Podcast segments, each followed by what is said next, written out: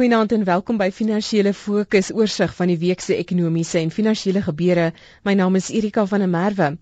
Die Suid-Afrikaanse mynwese in die soeklig in die afgelope week met die mynbou in Daba en sprake van grootskaalse verandering in belasting op die sektor.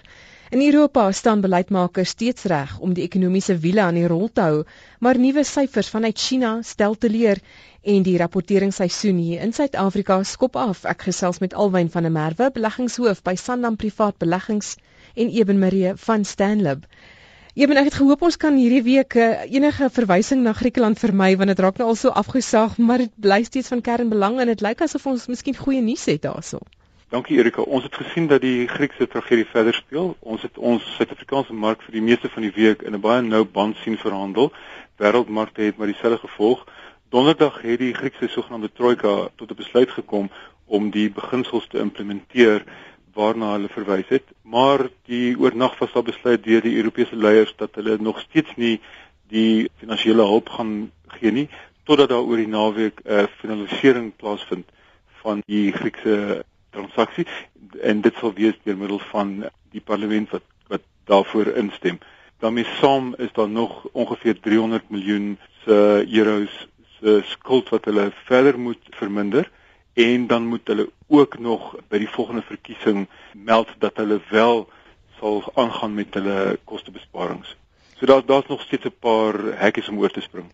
Alwen die res van Europa kyk maar versigtig, hou maar noukeurig dop wat daarson Griekeland aangaan en nog steeds die kommer oor wat dit vir die groter streek beteken. Die Europese sentrale bank se Mario Draghi het 'n beleidsvergadering gehad en hy dui steeds aan dat hulle sal optree om die ekonomies uit die Europese streek te ondersteun.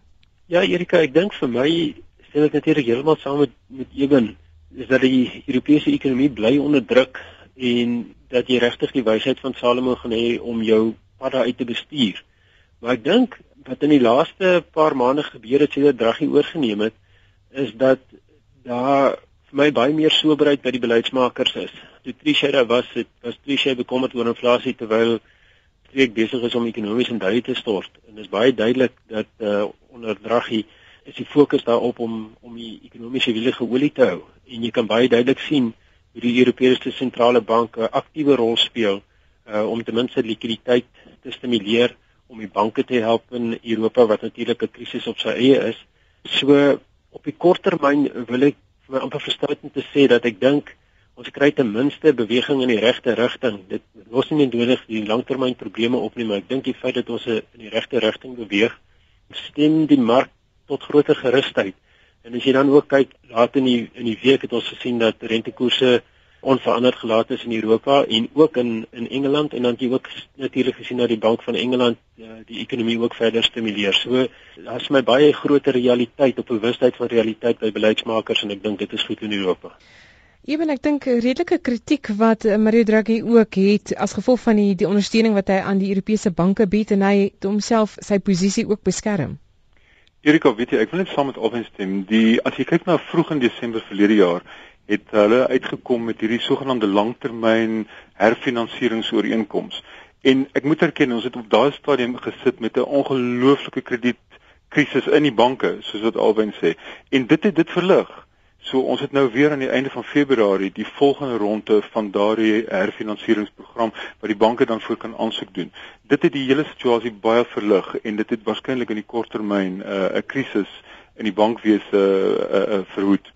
En dan China, ewen ons het syfers gesien, die Chinese inflasie wat Januarie maand gelig het na 4.5%, hoër as verwag en daarmee saam die kommer dat dit miskien bietjie minder beleidsruimte gee vir die Chinese owerhede om daardie ekonomie te stimuleer.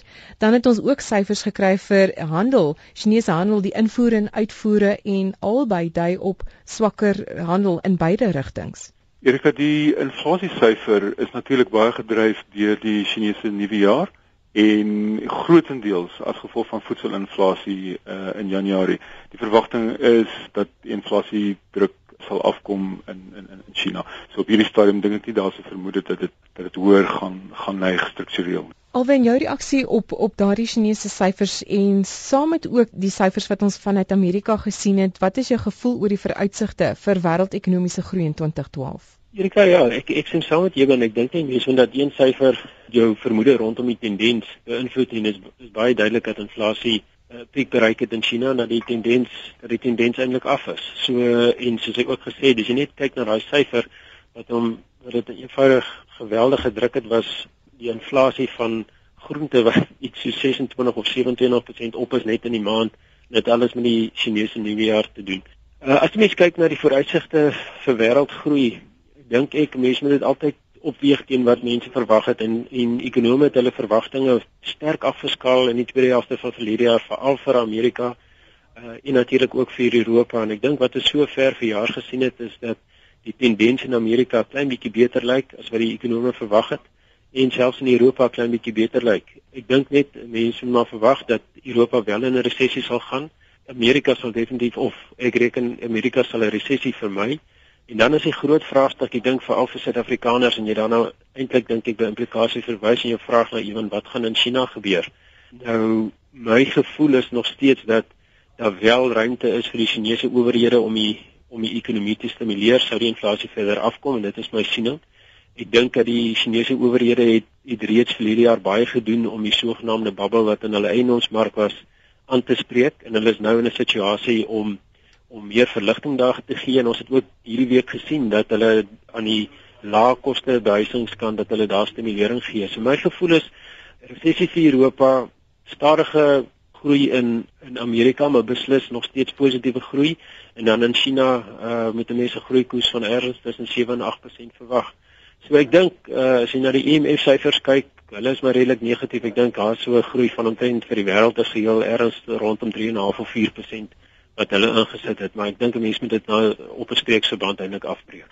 Eben ons het uh, in die week die mynbou en daarbou gehad wat in die Kaap plaasgevind het. So die soeklig op ons eie uh, mynbou sektor, ons eie beleid daar rondom, maar ook natuurlik die die groot oorkoepelende tema van wêreldekonomiese groei en wat dit beteken vir hulpbronpryse. Wat is jou gevoel daaroor?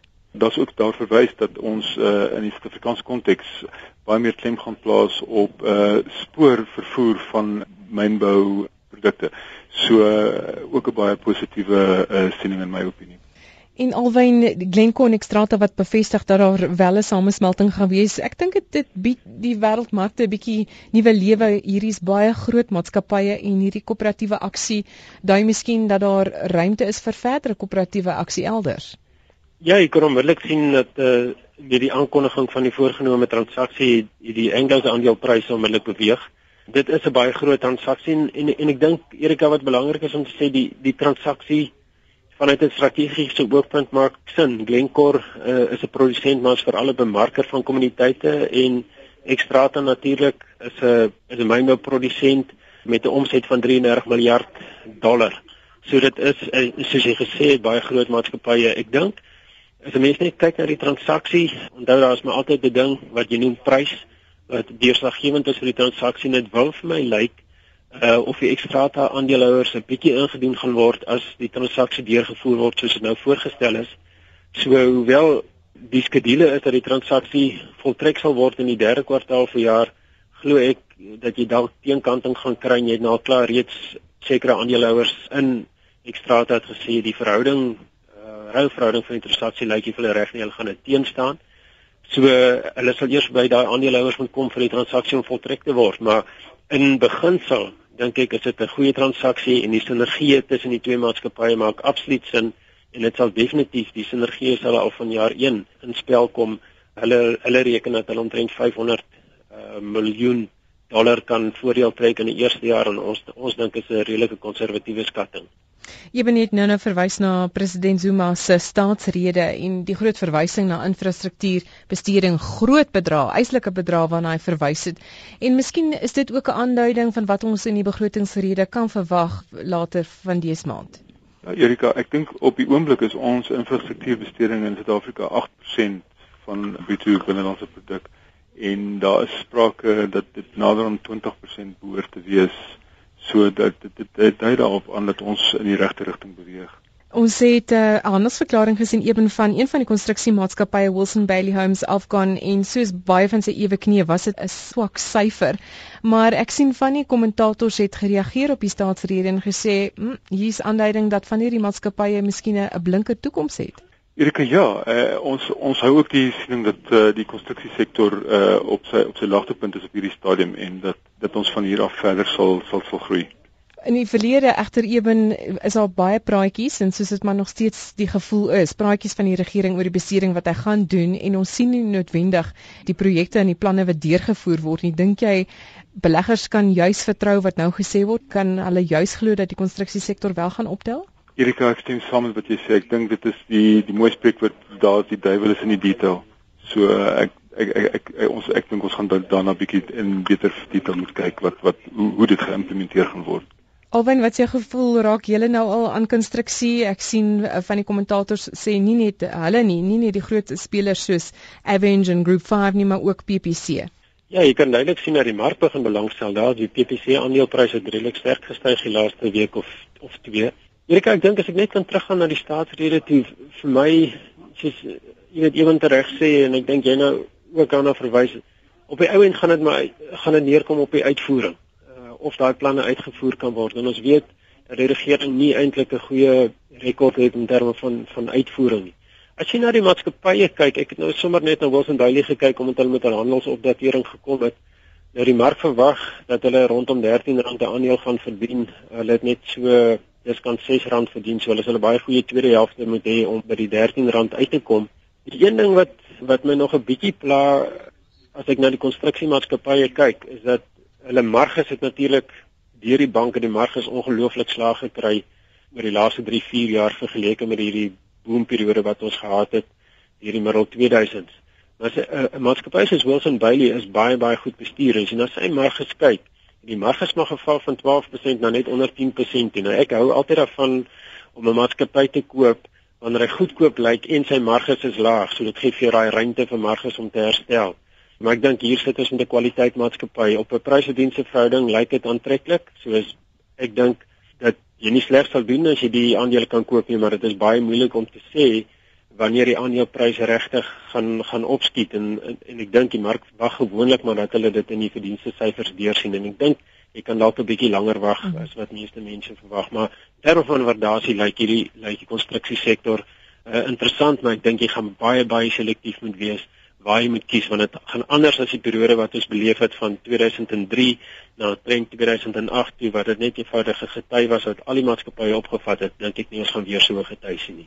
Jy ben die punt wat Alwyn ook maak daar 'n belangrike punt in die bou van enige portefeulje is die prys wat jy betaal vir die bate so waardasies. As jy kyk na die plaaslike mark teenoor die internasionale mark, die oorgrootste meerderheid van kommentators met wie ek gesels sê daar staan baie beter waarde elders in die wêreld veral in die groot Amerikaanse multinasjonale maatskappye en ook in Asië. Erika, ja, uit uit verlede jaar uit sien 'n mens dat eh uh, die aandelemark het 'n uh, redelike groot risikopremie in en natuurlik vir die oorsese markte waar daar die vrees was van allerlei goed wat gebeur in die wêreldekonomie, sit 'n mens as gevolg van die van die kredietkrisis en die die die sogenaamde sovereign krisis, sit 'n mens met die situasie dat aandelemarkte oorsee baie goedkoop was. Ons het egter nou gehad dat baie van die markte het alreeds herstel vroeg in die jaar. Ek bedoel selfs die Griekse mark is al op met 15% vir die jaar byvoorbeeld.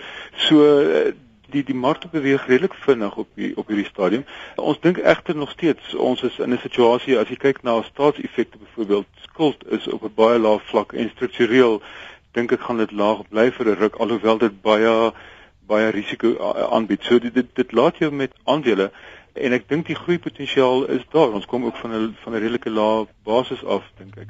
So ehm um, ons ons ons onsself sit hier so in, in kyk na aandele wat wat wat waarde bied. Dit is debatteerbaar die die die die oorsee versus uh, Suid-Afrikaanse situasie want mense sit natuurlik met die valuta risiko wat jy ook nog nog moet inbring. Dit is natuurlik op die vlakke waar ons op die oomblik sit vir enige Suid-Afrikaanse belegger. Uh ek dink die regte ding om te doen om om bietjie geld uit die land uit te vat as jy as jy kan want uh, ons sit weer onder die R8 vlak teen 'n dollar. Ek het ek het persoonlik nie gedink ons sien dit in die in die korttermyn weer nie. So dit dit, dit is aantreklik op daai basis ook. So alwen goeie raad daarso van Eben se kant af en as ons dan net kan afsluit deur spesifiek weer te raak oor ons bankwese handelsverklaring van Nedbank in die week en dan resultate van Absa. Ek dink waar hy verras het was met die sterk dividend uitbetaling. Ja, ek dink die hele banksektor kommentators en ek dink analiste verras. Um, as jy kyk na die verdienste groei in Absa is op 21%. As jy kyk na die handelsopdatering van Nedbank en vra hulle van op erns tussen 23 en 28% en ek dink daai syfers uh, verras nie maar Erika. Nou ehm um, na my mening verras dit veral omdat die slegte skulde wat die banke ervaar het in die vorige tydperke was was baie hoog en hulle ondervinding in daai op daai gebied is definitief baie beter. En as jy kyk veral na Absa ook het hulle baie konservatief te werk gegaan met hulle lenings en in geval van Absa definitief ook aan die huisverbande kant waar die marges baie laag is. Maar wat ons sien, die algemene tendens by ons banke is dat die banke baie baie goed gekapitaliseer is. Trouwens, ons kan sover gaan om te sê dat hulle oorgekapitaliseer is, dat hulle lei balansstaat het. En ten spyte van die feit dat Basel III wag op banke en dat daar nog eintlik onsekerheid is rondom die kapitaalriglyne, het Absa sover gegaan om 'n dividend in die tweede helfte van die jaar met 70% op te stoot relatief tot die vorige uh, periode en op die voljaar is hulle dividend 50% op. So dit sê net vir jou dat hulle uh, met die oorskotkapitaal is hulle heeltemal bereid om terug te gee aan beleggers. In die geval van Absa is natuurlik interessant. Nou as ek so 'n bietjie sinies, natuurlik is Barclays hulle ouers en dit is so asof as, asof die ouers so 'n bietjie wil hê dat die kinders moet terugbetaal aan pa. Alwyn, dankie. Alwyn van der Merwe is beleggingshoof by Sanlam Privaat Beleggings. Eben Maria is besitter van Absoluut Opbrengsfondse by Stanlib. My naam is Erika van der Merwe. Dankie dat jy saamgekuier het. Volgende Sondag aand 20 voor 9 is ons weer hierso. Geseënde week vorentoe. Totsiens.